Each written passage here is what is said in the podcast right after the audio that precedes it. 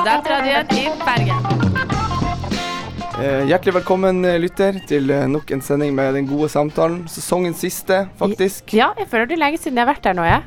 Det, vi har jo stort sett hatt Nei, vi har ikke stort sett hatt sendinger fra biblioteket, men vi har hatt tre veldig fine sendinger fra biblioteket i høst. Ja. Og det er klart, da, når man, når man venner seg til å ha bøker rundt seg, så blir det veldig rart å komme inn i dette bokløse eh, Ja, det, er studioet. ganske, det er egentlig ganske trist her, da, om jeg skal være helt ærlig. Det, Ja. det er ganske lite personlig i dette rommet vi sitter i, selv om de har prøvd med litt sånn prangende vinylsamling som på en måte ikke slår helt an. Eh, Antageligvis er det jo ikke noen person sin. Eh, Nei, Den blir jo blitt litt mindre Ja, det er på en måte bare studentradioen sin, sant? Ja, Så får ikke helt den Men det er jo mange som har et personlig forhold til studentradioen, da. Ja, og det skal de få ha. Det skal de få ha. Men dette er jo et slags eh, talkshow, Marie. Ja, og vi eh, har jo eh, vært så heldige eh, hver uke å få en ny gjest, og i dag er vi også ekstra heldige. Vi har eh, nemlig med oss eh, sjefen for Carte Blanche, Roman Sharifi. Velkommen. Hallo. Takk. takk. Veldig hyggelig at eh, du ville komme. Vi har hatt litt tekniske problemer her i dag, Masse. og det er jo alltid litt kjedelig, men nå er vi ferdig med det. Og vi håper at du fremdeles syns det er hyggelig å være her. Det er kjempehyggelig å være her. Det Ja. tekniske problemet er ikke noe problem. Det har vi nok av Hva- før en premiere. Hva gjør man da når man eh, har tekniske problemer? Fins det noen eh, feilsjekk som man går igjennom? Altså, vi har jo fantastiske teknikere som jobber i huset, som skal ta seg av sånne feil. Så det er ikke ditt ansvar? Eh, til slutt så er det mitt ansvar, tenker jeg, men eh, det er jo mange andre der som egentlig gjør jobben utrolig bra, sånn at de ikke skal komme dit. Men klarer du å stole på de som virkelig sånn satt, Bare sånn virkelig tro på at alt kommer til å gå bra, eller har du, er du alltid litt sånn usikker? Nei, jeg tror jeg er mer Jeg er mest usikker på Hva heter det for noe? Materialet? eller Mm. du kan si Det Anlegget. kunstneriske? Nei, anlegget rett og slett, ikke folka. Folka gjør vanligvis utrolig bra jobb, så det er, det er minste problem. Problemet er liksom når uh, plutselig en uh, sikring går i en uh, lydanlegg, dermed plutselig så har du ikke noe, og du skal ha forestilling om fem timer, Mm. og det er lørdag, og alt er stengt. Så det er det som er vanligvis problemet. Folket stoler, stoler jeg på fullt og helt, og de er utrolig bra folk i Mm. huset. Så det er jo bare å Så det går som bare det. Det er liksom Rett og Mm. Men har du andre nerver når du er koreograf sjøl? Altså når du har mer ansvar for det kunstneriske enn en bare som på en måte teatersjef? Liksom, litt mer hands on? Det er jo forskjellig altså Som teatersjef så vil du helst ikke blande deg opp i et kunstnerisk vir virke. Du inviterer de, og så tilrettelegger du sånn det skal gå bra. Så har du fine samtaler underveis, som at du vet hva, hvor ting går, og så går ting som det skal. Uh, jeg vet ikke, altså Jeg, hadde, jeg, jeg tror ikke jeg hadde så mye nerver da jeg var som koreograf heller, fordi du liksom Jeg har alltid trodd at hvis du gjør en veldig bra jobb, så vet du hvor du står, på en måte, og så møter du publikum. Så på en måte så blir du vant til at i det øyeblikket det står foran publikum, så er det noe annet. At det blikket som publikum har, gjør noe annet med stykket. Det er noe Mm. veldig spesielt å sitte bakerste rad Mm. og se stykket med en full sal med alle hodene foran deg, som ser den retningen. Så det gir en helt annen tolkning til stykket, og den trenger du for å liksom balansere deg. Men eh, jeg liker vanligvis å være ute blant folk, så så lenge jeg kan møte publikum før, så er jeg fornøyd. Ja, jeg, Det roer meg ned. jeg har en opplevelse av Sånn som når jeg viser fram eh, Når jeg skal vise en film som jeg liker veldig godt, så er jeg veldig sånn opptatt av å se litt på folk når det kommer sånne gode partier i film som jeg liker veldig godt. Har du den opplevelsen sjøl, at du vet nå kommer det noe, så ser du liksom på reaksjonene til de som Nei, jeg tror jeg ser på reaksjoner Eller prøver å forstå reaksjoner både før og etter og underveis. Mm. For å, for å få kjenne følelsen av hvordan det er, og hvordan folk reagerer. Men hvordan kan du se det på Jeg tenker på dans som uttrykk, med, med liksom eh, med humor og all sånn teater, så kan man jo ofte få det ved latter, ikke sant, og eh, på konserter så er det jo ofte mye sånn skriking og hyling og sånn, men, men akkurat med dans, som på en måte er et veldig sånn Kanskje et ganske stille publikum, da. Kanskje Eller er det mye latter og sånn på Altså, kommer- hvis det er morsomt, så ler de. Det er mange som lo på siste stykke flere ganger. Ja. Mange, mye. Så noen ganger så merker du det er et stykke som trenger støy mm. fra publikum for at den skal gå. Men det er en sånn konsentrasjon som oppstår i rommet, som du på en måte har en anelse at dette var bra eller dårlig. Mm. Men jeg synes det er veldig viktig å tenke at jeg har opplevd at publikum som har sett at de har sovet Mm. i halve forestillinga, etterpå så kan de komme og Det var fantastisk, herregud, for en opplevelse. så tenker jeg hæ? Men så jeg tror man skal altså være forsiktig å dømme hva publikum tenker. Altså Det kan hende de har kjedet seg to tredjedel av greiene, men den ene tredjedelen Mm. er helt fint. Og det var det de tre altså det var, Da var de fornøyd. Ja. Så jeg tror det er veldig viktig å respektere publikum, og så forstå at den tolkningen du har, er en tolkning du har. Det er jo ikke sikkert det er det de har Mm. tenkt. Og det positive for deg kanskje er negativt for de, og det negative. Altså at det er liksom Så her tenker jeg det er veldig viktig å ha i hodet, men uh, at publikum er til stede og ser på den, er nødvendig En ganske viktig, viktig del av hele kunsten, syns jeg. Altså for det Jeg mener jo at det er jo da den oppstår, også i tolkningen av publikum. Så når den ikke fins, når den ikke er der, så er det på en måte noe helt annet. Men du omtaler det jo nesten konsekvent nå som kunsten, ikke som dansen, på en måte. Du skiller ikke på de to tingene. Nei, dans, og, dans er en slags kunst. Mm. Det, Så, er, så, så det, er, det er det. Det er ikke noe det er likhetstegn det- mellom de. Ja, vi driver med kunst. Det er det vi driver med. Men vi lurer litt på hvordan, Dansekunst, eh, kan man si, da. Mm. For å være presis. hvordan du eh, kom inn i dansen. Jeg fikk tilbud til å være på en strippeklubb. Nei, jeg gjorde det ikke. Du begynte med poledancing. Vi kommer til å klippe, stoppe sendinga. Nei, klipp, og så er det én CD. Ja, Nei da. Nei, rett, altså jeg begynte å danse rett og slett på gata. Mm. Altså sånn Drev med på fritidsklubber og sånne ting. Det er der jeg begynte. Og så begynte jeg på skole og ble litt mer kulturelt. Mm. Fikk kultur. Nei da. Men var, det, var, var du i et sånt dansemiljø hvor det var veldig kult å Danset du hiphop, da? Ja. ja. Hiphop street dance. Ja. Det er vel ofte den kanskje lett, mest sånn tilgjengelige for ungdommer, er det ikke det? Jo. Altså, nå må vi skille mellom tilgjengelighet, om du er god på det eller ikke. Mm. Mm, så den er absolutt tilgjengelig i form av at den Du trenger ikke Du kan på en måte lære Du kan sitte og se på videoer og herme etter videoer på sånne ting, men det kan du også gjøre nå for, med samtidsdans, nesten. Mm. Er å gå på YouTube og downloade ting og begynne å herme og lære. Jeg husker jeg lærte veldig mye av Jeg lånte videoer fra uh, Danseinformasjonen. Og da satt jeg og så på masse dans, samtidsdansvideoer og kopierte bevegelser. Mm. Sånn på en måte for å lære ting. Men det er kanskje når jeg hadde lært det når jeg drev med hiphop, at du så på videoer, du så på ting, og så lærte litt, og så lagde du din egen vri på det. Og så, tren, så gikk du på klubben og prøvde det ut, og sjekka hvordan folk reagerte på det. Det var, om det var en cool move eller ikke, liksom. Om du slo han Klart Klarte å den der rolig dansen på slutten av kvelden med en jente eller ikke. Da visste du om du har liksom Så det er litt sånn eh, vellykka eller ikke. Det er litt sånn uh, På en måte litt sånn uh, At man kriger litt om den siste dansen. Er det med at man, man måtte gjøre seg fortjent til en uh, til rolig Ja, dans? la oss håpe det. Ja, vi sier det. Men hørte du mye på hiphop og sånn? Var du, var du litt Ja, sånn gangster? Nei, jeg var ikke så mye gangsterting, altså. Veldig mye forskjellig, egentlig. Ja. Allerede da veldig mye. Men har du tenkt noe altså, Vet du om noe konkret grunn til at det var på en måte dans som var For på, fritidsklubb så kan det være veldig mye forskjellig som kan fange interessen. liksom. Jeg, jeg vet ikke, så jeg tror bare, jeg bare begynte med det. Så bare tok det av. Altså det, er sånn en slags oppmerksomhet. Altså, jeg er jo ordblind og har dysleksi, så det kan jo at språk kan være litt sånn Jeg kom til da jeg var 15, så det er også språkmessig så kan det være Ja, kanskje det er det som var litt sånn. Også dansen var bare liksom Og jeg fikk oppmerksomhet på det. Mm. Så da Du får oppmerksomhet på det, og så syns du det er god, og så får du liksom backing på det. Så bare fortsetter du, tenker jeg. Mm. Men jeg tenker liksom at overgangen på en måte et, Altså sånn uh, hiphop og streetdance er jo kanskje litt mer tilgjengelig enn samtidsdans. Uh. Det er jo en grunn man kan kalle hiphop også en samtidsdans. Det er Ja. i samtiden det skjer. Så, så for meg så mener jeg hiphopen er den som har vært også nærmest samtidsdansen for meg. Mm. Altså improvisasjon, være i det nå, finne, finne på ting. Din egen stil, som er veldig viktig i en hiphop-sammenheng. Hva er din stil, og hvordan utvikler du det? Hvordan setter du din egen signatur? Mm.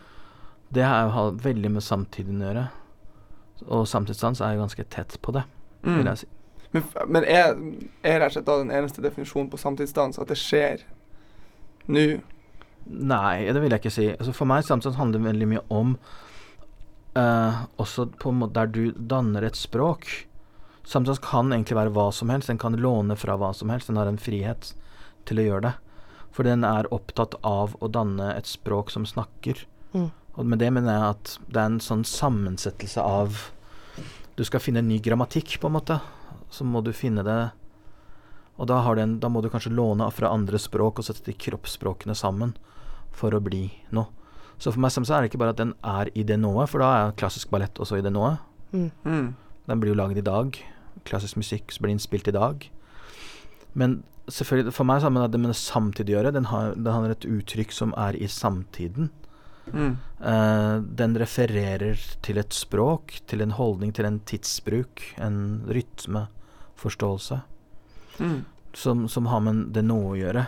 Så tenk, si det sånn, vi snakker om veldig mye at det er veldig mye asylsøkere og veldig mye sånt, så det er veldig mye bevegelser. Du har natur... Altså, vi vet at sånn eh, Climate change altså sånn, sånt, altså, masse, så Det er tematikker som hele samfunnet i dag er ganske opptatt av, og kommer til å være opptatt av ganske langt i fremover. Så det er tematikker som også vil sikkert inspirere til også samtidsdansen. Altså at med bevegelsen av en masse, hva er det? Hvordan strukturerer vi oss, og hvordan er vi imøtekommende med det andre? Den ukjente, sånne ting. Så det, jeg kan tenke meg det er sånne ting som vil også oppstå. Som er på en måte i det nået. Og hva er, hva er kroppsspråket i det, og hva er dansespråket i det, som er viktig. Mm. Hvordan klarer man å uttrykke disse følelsene gjennom dans?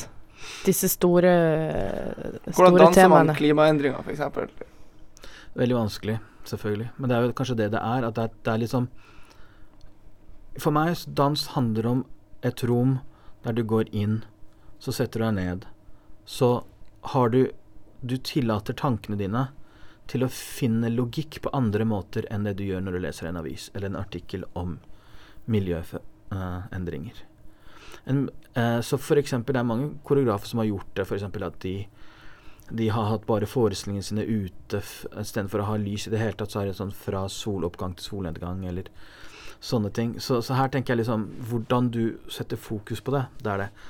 Men jeg tror for meg så er det veldig viktig å si at ja, det er veldig viktig å snakke om altså at det handler ikke bare om å uttrykke følelse, det er også veldig mye snakk om å skape følelse. Mm. Og noen ganger så kan du skape følelse hos publikum ved å føle det selv, men noen ganger så kan, må du gjøre noe annet for at den andre skal føle, føle noe, hvis du skjønner. Mm. Så å skape en følelse er noe helt annet. Og så skape noe der publikum føler seg de er en del av noe. Det er en del av noe som driver og utvikler seg. Det er en del av, de er en del av noe som oppstår her, og som oppstår nå, enn at sitte seg tilbake og se på noen føle. Det er sånn to forskjellige måter. Uh, er en, på den ene er voyeur, på den andre er du kanskje mer deltakende og er satt i en situasjon. Og da mener jeg ikke bare situasjonen sånn at du er involvert, du behøver ikke være publikum involvert, men du sitter i, i stolen din, men du på en måte merker at rommet, følelsen av rommet er helt annet. Og det er den følelsen dere er ute etter. Ja, det vil jeg si. Mm. I hvert fall. Men igjen, det er forskjellig fra koreograf til koreograf hvordan de vil jobbe, og hvordan de uttrykker seg på sånne ting. Men du kan vel kanskje aldri være helt sikker på at ditt på en måte ditt bilde av en dans som kommuniserer f.eks. da flyktningstrøm, er det samme som det publikum får, eller? Nei, det er man aldri sikker på, det er takk og lov, kanskje. Fordi det er akkurat den i misforståelsen som potensialet er der. Altså, Hva mener du med det? Det høres jo nesten ut som en eh, som du driver med lureri. Nei, det er ikke lureri, det er noe helt annet. Det er egentlig Si sånn noen, Vi tror vi forstår hverandre akkurat her og nå, Mm. for vi bruker et språk, men jeg vet egentlig ikke hva du mener med lureri. Hvis det skal være vanskelig, da. Ja, Nå driver du i hvert fall med lureri. Er du driver med lureri. Ja. Jeg bare prøver, jeg bare Ja. prøver å si at altså, hvert ord Mm. betyr forskjellige ting fra forskjellige personer. Mm. Så det, vi bare tar det for gitt at jeg har forstått deg. Og så alle har vært i en diskusjon der du sier mm, ja, jeg er helt enig med deg, og altså, to dager etterpå Nei, det der var det, hvis det var det du mente, da var jeg ikke enig i det hele Mm. tatt. Altså, det, er, det er ofte vi havner på sånne situasjoner. Så jeg tenker, det som er Igjen, vi må se på kunst, for meg iallfall, er et rom der ikke du skal bli fortalt ferdig tygga, gå hjem og si Hm, nå forsto jeg det, nå skal jeg legge meg ned og sove. Forhåpentligvis har den skapt noe for deg, den har, og der du føler at her har jeg også gitt en mening. Så jeg syns det er veldig viktig at publikum skal ha sin mening. Jeg syns jeg kan gi en retning, hvilken vei den skal gå. Du vil ikke gi noe fasitsvar, eller det er veldig vanskelig et fasitsvar, og det er, det er også Mm. veldig, veldig rart å invitere noen inn og bare fortelle dem det og si 'nå kan du gå hjem'. Mm. Det syns ja. jeg vel det er ikke, Vi kjøper ikke en bukse, liksom. Det er ikke det det er. Det er noe annet. Mm. Det er liksom Det er en opplevelse, det er et kollektivitet, Mm. det, er, det er å være sammen et sted. Du kommer sammen med noen, du skal gå ut etterpå og ta deg en drink og snakke sammen om det du eh, Det du trodde, og det den andre trodde. Og, og alt det her er egentlig en del av en hel forestilling. mm. Mm. Det som skjer før og etter, og det du leser, og møtene som du har med vennene dine før, eller kjæresten før du kommer, og middagen du har etterpå, og tre dager etterpå, du tenker Oi, shit, vet du hva, den derre scenen når de løp rundt sånn og la seg ned Gud, når den kom plutselig tilbake når jeg leste den derre boka. Mm. Så det er en sånn ting som jeg syns er veldig viktig å ha videre. Og det eneste kan, måte kan du få det, er å Hvis du også føler at du har vært med og tolket dette her, og ikke blitt bare fortalt, Mm. tror jeg. Vi skal høre en eh, Vi har jo sånn at gjestene tar med tre ønskelåter. Og du har, eh, du har gjort jobben. Eh, Jep. Hva er den første ønskelåta du har eh, tatt med? Jeg har tatt med en sang eh, fra en persisk master i tambor, som er en string. Hvordan blir man en master? Uh, da sitter du og spiller, Noe så jævlig lenge. Ja. Rett og slett. Ja. Og det er jo ikke sikkert han kaller seg selv master, men det er han. Du gir han den Mm. tittelen i dag. Det er ikke bare jeg som gjør det, men Nei. han er Så, så uh, han spiller tambor. Tambor er en uh, stringinstrument. Han heter Ali Akbar Moradi. Eh, det er en utrolig, utrolig fin, og den heter uh, Fall, eller Autumn.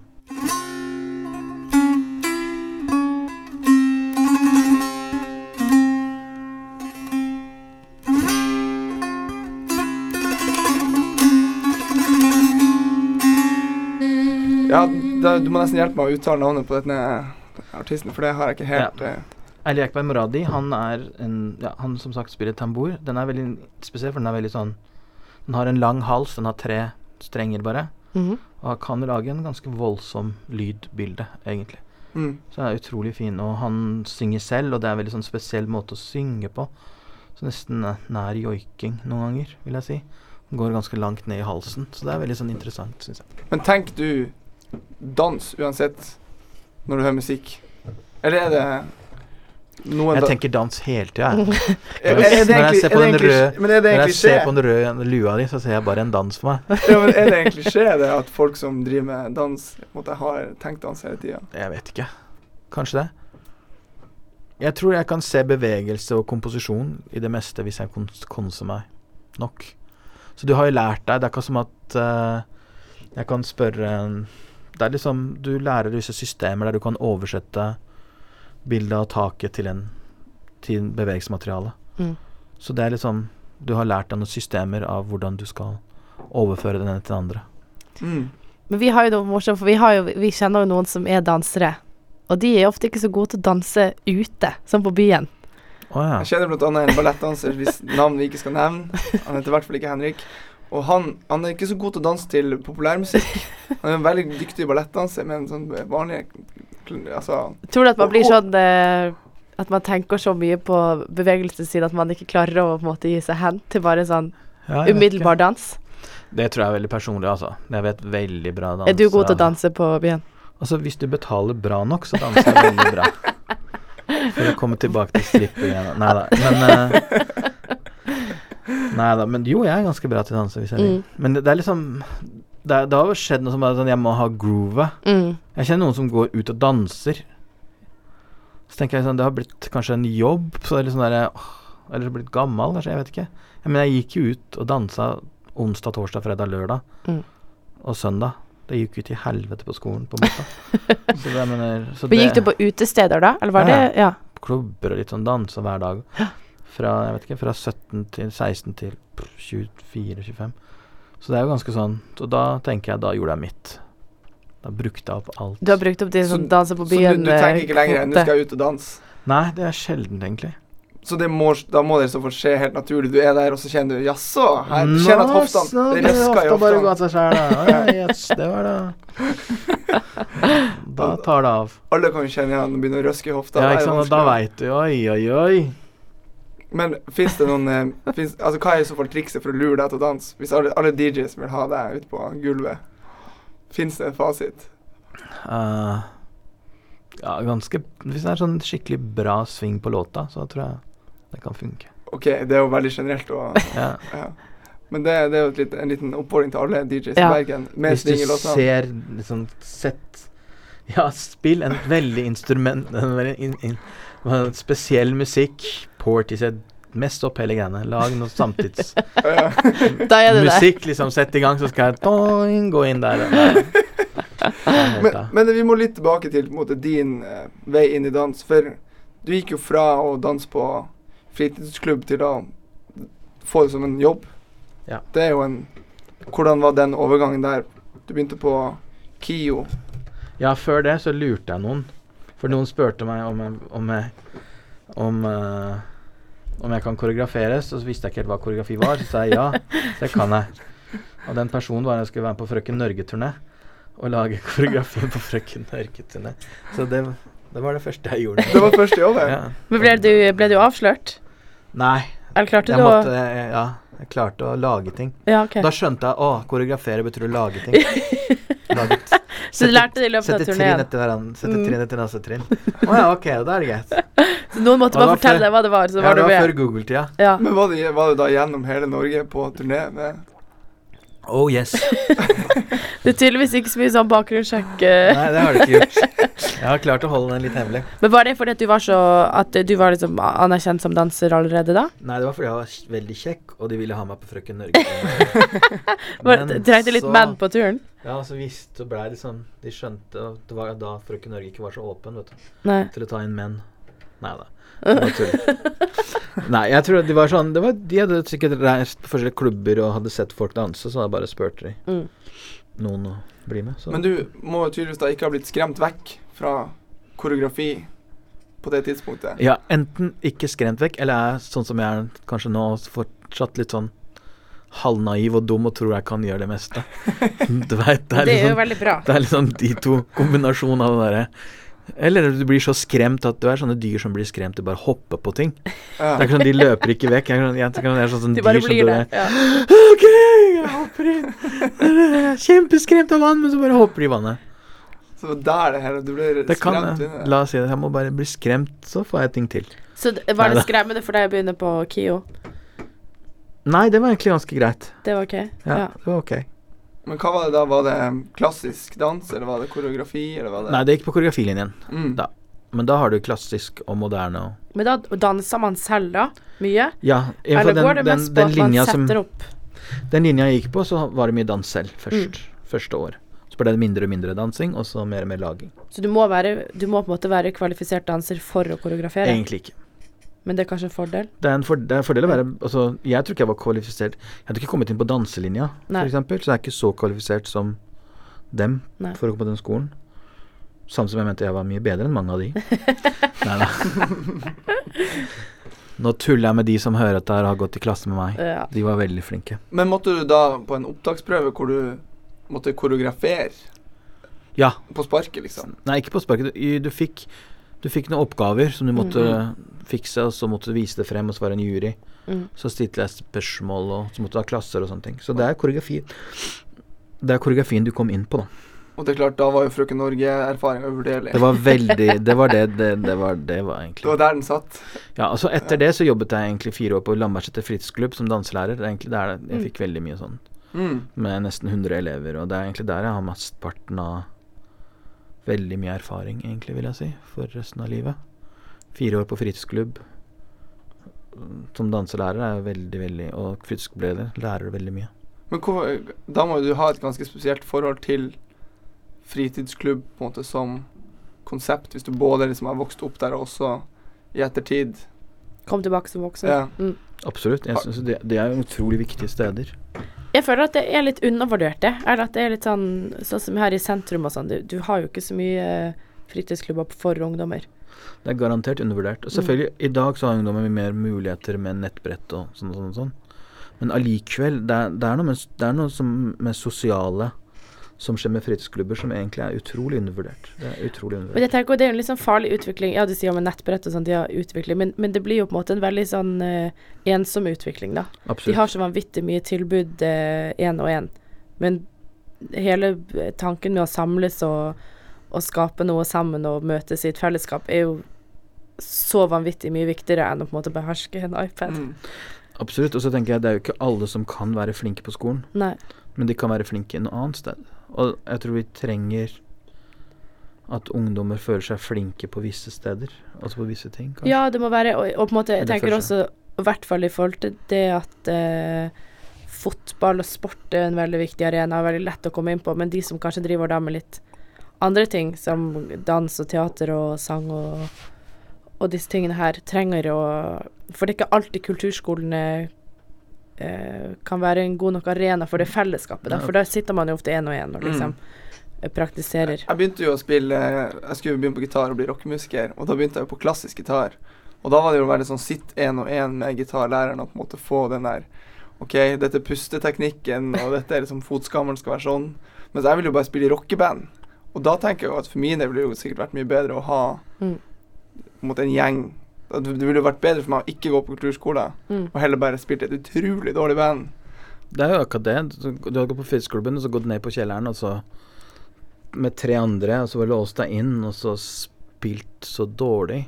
Og så kommet ut, og så Ført vært på noe kultur- beste Ja, ikke sant. Så kom du også på en kulturmønstring, og så Mm. fikk du deg en smell, og så går de tilbake inn i rommet, og så holder du på videre.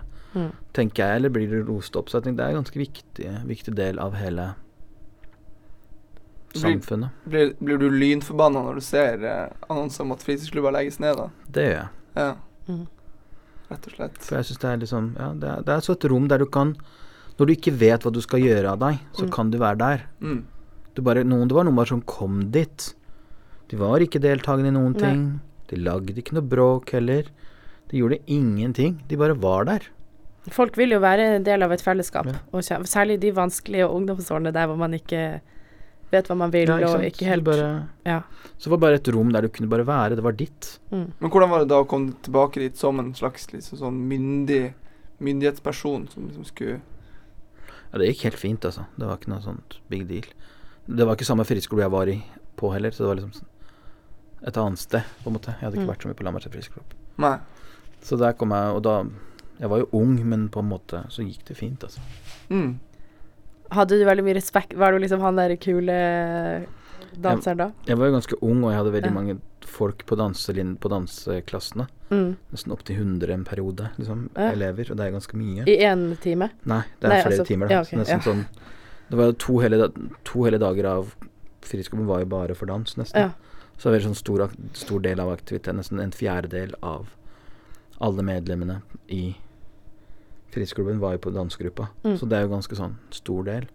Men uh, Jeg vet ikke, jeg, det funka veldig bra. Jeg lærte veldig mye, og det er en veldig sånn rar jobb. Du var jo på jobb nesten hele tida. Fordi du Det er liksom Nå har den ene drukket og klarer ikke å komme hjem, eller faren til den ene andre er litt Ja. sånn sånn og så Det er litt sånn Du, du blir jo blanda i folks liv, og veldig sånn Jeg husker noen som hadde surfa på T-banen, og så falt og døde. og Det var, det var veldig mye sånne ting som du Veldig mye triste ting, og veldig mye Man kommer vel veldig tett inn på ungdom i en sånn situasjon sammenlignet med en skolesetting. Mm. Fordi at de, de gir så mye av seg selv på en annen måte. Det må jo være veldig fine Mange fine relasjoner man får da. Absolutt veldig fine, og veldig igjen veldig lærerikt. Mm. Mm. Vi må gå over til, en, eh, til neste ønske, trudelutt. Tudelidutt. Ja. Hva har du i posen? Jeg fortsetter med en litt sånn derre musikk som uh, nå, nå, nå sitter jeg Det er som er forskjellen. Liksom, nå har jeg sendt dere tre f- ting, ikke sant. Mm. Og så mens jeg driver og blar, så tenker jeg hm, kanskje jeg burde tatt noe annet nå. Ja, du kan Det er lov å ombestemme seg. Spesielt nå siden, vi, siden du har eh, altså, knottene i din makt. Ja. Jeg tar den som jeg hadde Jeg tar den tredje først nå. Så jeg tenkte jeg skulle spille eh, Nå skal jeg finne det bare. To sekunder. Den kan du sikkert kutte, tenker jeg. Mm. Klipp. Vi prøver jo å være veldig usminka og ikke redigere. Ja, altså, Det er jo litt sånn Lars, måte- Lars von Trier-radio. Oh, ja, såpass, ja. Ja. Så, det er såpass, ja. Ja, Det sier jeg også. såpass. Da skal jeg, da skal jeg lide litt mer før jeg kommer hit. Nei, eh, jeg tror eh, Jeg er veldig spent på hva som skal skje nå. Mm. Jeg tenkte at vi kunne spilt Motorcycle, okay. siden som er uh, mine favorittband. Mm. Og vi er så heldige til at de skal være med å spille for Cat Blanche nå i både i Oslo og Bergen.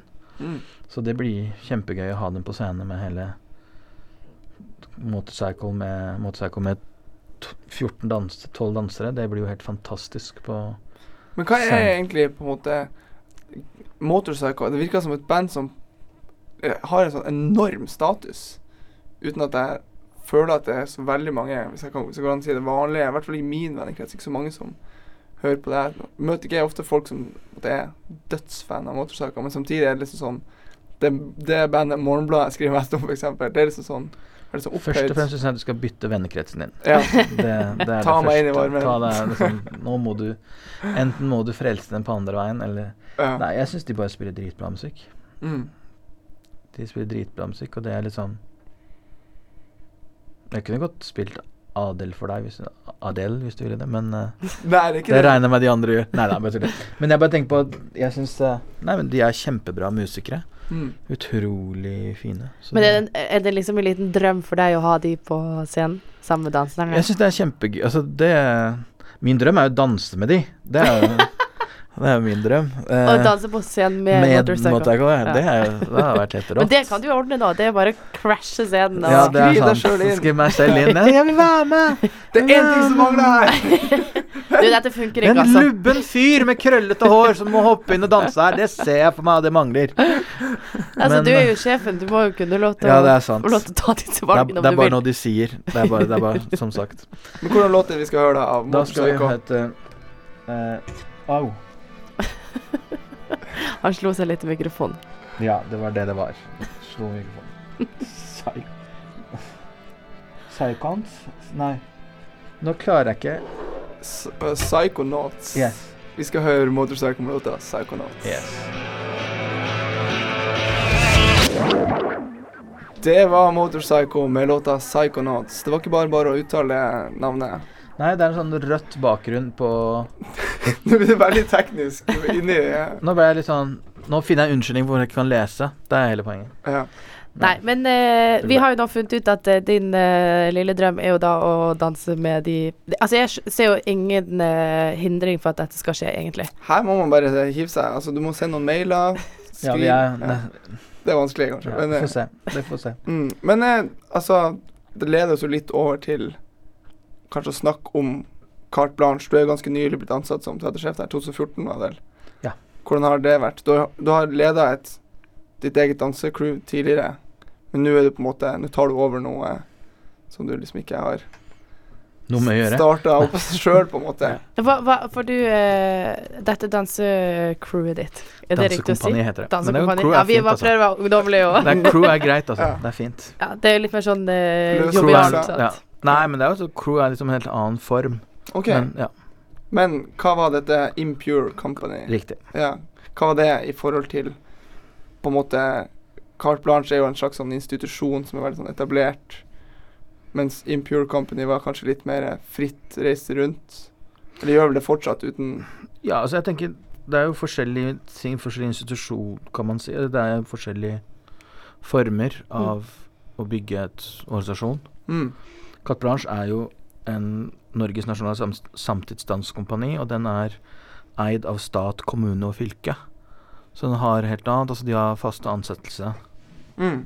Eh, mye, mye større organisasjon. Mm. Og de turnerer også, så Carte Blanche turnerer eh, både i Norge og utlandet. Så det, det er en sånn Det er veldig vanskelig å sammenligne.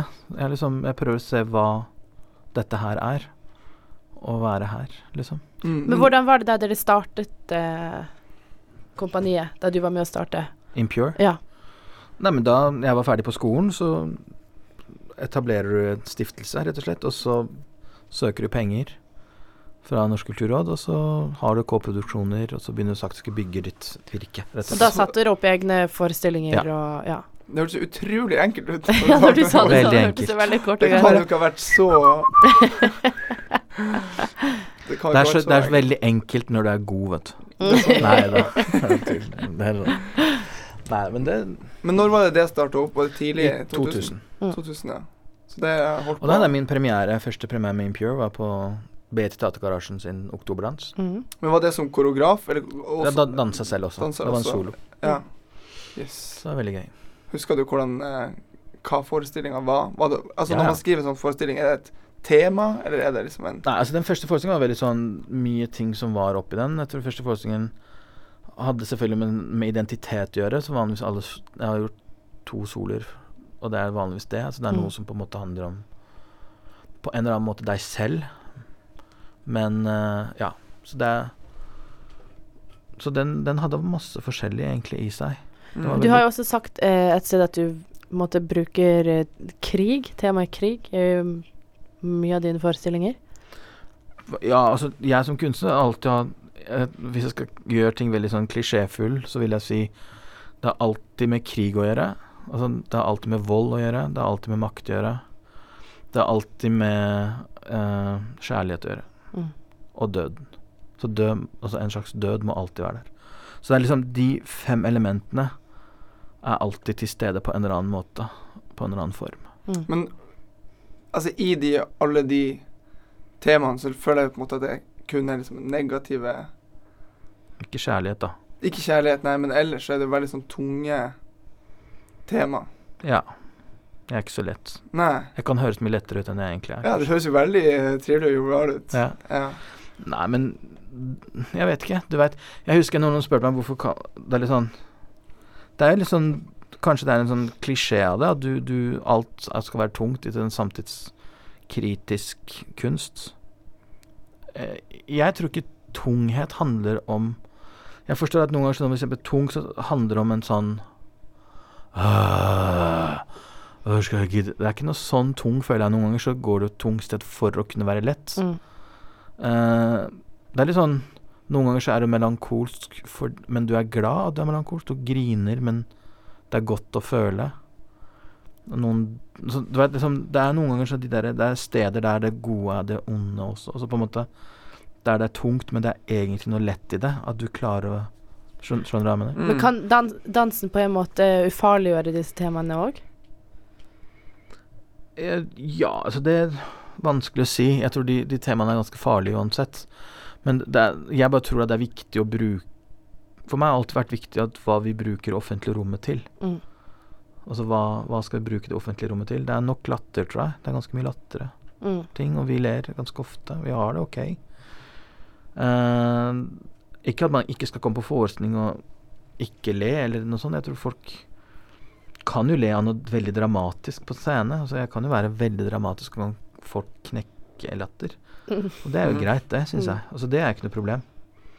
Men jeg tror det er viktig å diskutere når man har sånn som Carte Blanche, som er Norges nasjonale samskap, hva slags Hva bruker man den offentlige rommet man har fått til? Og hva, hva skal man snakke om der, og hva Hva skal vi gi til publikum? Det høres ut som en, som en slags ansvarsfølelse du sitter med da. Det syns jeg vi har. Ja. Det er jo ikke Altså, det syns jeg vi har. Men syns du det er for mye Altså at det er for mye latter i samfunnet? I det Nei, det syns jeg ikke. Jeg syns man skal ha mest mulig latter i samfunnet. Ja. Det er absolutt ikke det. Jeg mener, og, og som sagt, jeg tror folk kan le på en scene av ting som er også veldig seriøst. Det har altså en makt. Mm. Scenen har muligheten til det.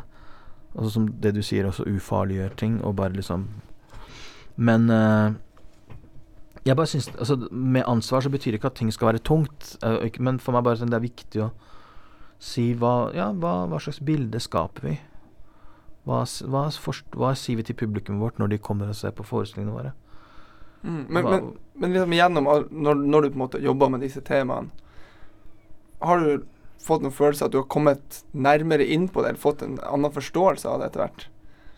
Absolutt. absolutt. Så her må jeg bare si bare sånn tydeliggjøre at carte blanche Det er tematikken som jeg har jobbet med som kunstner. Men i carte blanche så er kunstnerne på en måte selvstendige til på hva slags tematikker de For da du, du er teatersjef. Ja, det er akkurat det. Så det er bare sånn, det er veldig sånn tydelig å ha atskillelse på Ja. det. Altså, det, er, sånn at det er ikke sånn at nå blir carte blanche krig og sånne Nei. ting. Nei. Men, men, men uh, jeg syns akkurat nå i carte blanche så jobber vi med Hvis det er viktig å ha tematikker som på en måte vi skal se programmeringene på, hvis, altså sånn rundt, altså lage noen tematikk rundt programmeringen, at, at kurateringen kan bli mer tydelig. Programmeringen, så mener du med innholdet? Innholdet disse. Ja. Programmer som mener de som vi inviterer. Mm. Eksempel, sist så hadde vi feminisme som tema, så da har vi invitert fem koreografer, men de er frie til å bestemme hva de vil. Denne gangen så jobber vi med Avkatt Blanche, så hadde, var ideen med at hvordan kan man produsere annerledes? Kan man, kan man eksistere i andre systemer sammen? Så da har vi gjort sånn at vi har fjernet koreografen. Og da er ikke noe koreograf i denne produksjonen, og da skal danserne bli enige om et stykke. Mm. Og det stykket skal bli noe, og så skal så har vi en scenograf og kostymdesigner som skal snakke sammen. Så er det huset som er veldig involvert i alle ledd for å lage den forestillingen sammen. Og så skal det krasjes med musikk. Så da skal den identitet Så den, du kan si den kroppen, eller den personen som vi kan kalle for forestilling, som er en kalt person, skal imøtekomme en annen person som heter band. Mm. Og de skal møtes sånn, og så skal de liksom gå på scenen, og publikum skal være til stede. Og, så det Så da skal det Da er det improvisasjon. Det får vi se hva de holder på med. Det håp, altså, akkurat det er opp til, Ja. til danserne, og det de vil lage det nå. Regner med kanskje improvisasjon er en del av det, men garantert er det noe imøtekommelse som er improvisasjon. Så du kan si det er en sånn, Da kommer den ut ifra en tanke på Ok, hvordan kan vi produsere annerledes? Hva betyr det? Fins det andre systemer? Hva skjer når du fjerner en sånn veldig viktig prikke som heter koreograf i en produksjon? Mm. Hvordan må vi snakke sammen? Hvordan, hvordan skal vi organisere oss på nytt? Mm. Så det er en sånn tema som vi kan si som jeg syns er veldig interessant. Organisasjoner. Liksom, hvordan organiserer vi oss? Hvordan Det blir på en måte å utfordre hele måten man har vært vant til å jobbe på før, da. For eksempel. Ja. Det er jo litt morsomt at du et teater, du som koro, tidligere koreograf skal være teatersjef for forestillinga uten koreograf. Ja, ikke sant. Så jeg tenker det er jo Det sier jo veldig mye. Nei. Altså, kore, faget koreografi forandrer jo seg hele tida. Fordi dansere også forandrer seg hele tida. Altså hva er danser, og hva de kan gjøre. Så, så dermed så vil alt det her være i utvikling forhold til det. Så jeg synes det er Så det blir jo veldig interessant, og det er utrolig krevende. Danserne skal eh, I Bergen så spiller vi ti forestillinger med Thea Emland, Alain Franco på pia piano, med grand piano som spiller klassisk musikk. Vi har eh, Jeg sa Thea Emland. Mm. eh, Hemmelig Tempo. Eh, Susanna, som er sånn Valenrød, og så har vi eh, Motorcycle som spiller. Så det er liksom to dager med hver, og så Mm. danserne skal imøtekomme de fem forskjellige liksom annenhver dag, nesten. Så det er liksom ganske sånn heftig ting de Det krever mye av danserne. Absolutt. Mm. Og de er, jo, de er jo ganske råe. Og hele huset, rett og slett. Altså, de, du kan tenke hele teknikken må forandre seg Mm. fra et band til neste band, og lys må liksom på en måte justere seg fra den ene musikken til den andre musikken. Og, så, så det er ganske sånn heftig ting eh, den gjengen har sagt ja til. Og jeg er kjempestolt av å være i huset og der man tør å gamble såpass, Mm. og man må vise sitt styrke på den måten der sånn, for det er jo det huset gjør. Det viser jo sånn Mm. enorm styrke, enorm imøtekommendehet. Så det syns jeg er ganske fint. Mm. Tida har eh, rett og slett bare flydd ifra, så vi er ved, vi er ved veis ende i Ja. denne lille Veldig hyggelig å ha deg på besøk. Eh, og til slutt så skal du få lov til å vise oss den siste låten du har tatt med. Åh, jeg er så utrolig uh, usikker På, på hva du skal velge. jeg skal velge. Om jeg skal velge det jeg hadde det i stad, mm. eller om skal fortsette å overbevise dine venner om motorcycle. Du, du gjør akkurat som du vil. Jeg, må, jeg kommer ikke til å ha de som venner uansett etter dette. Det har vi blitt enige om. Det er Nei, sant. nå sitter Da- han og blar nedover iTunes-listen sin og Se hva vi skal ta. Yes. Jeg tror vi tar en motorcycle til. OK, hvordan Sondre, du var faktisk bare nødt til å bytte ut vennene dine etter streng beskjed her. Ja, altså, jeg har fått meg nye venner. Vent så snill. Nå er vi Ja, vi er vi. Yes. Kanskje det er du som Da, skal skriv, da tar vi Like Always. Ok, da skal vi høre Motorpsycho med Like Always. Tusen takk for besøket. Takk for Takk. besøket. Tusen takk. Ha det bra. Ha det.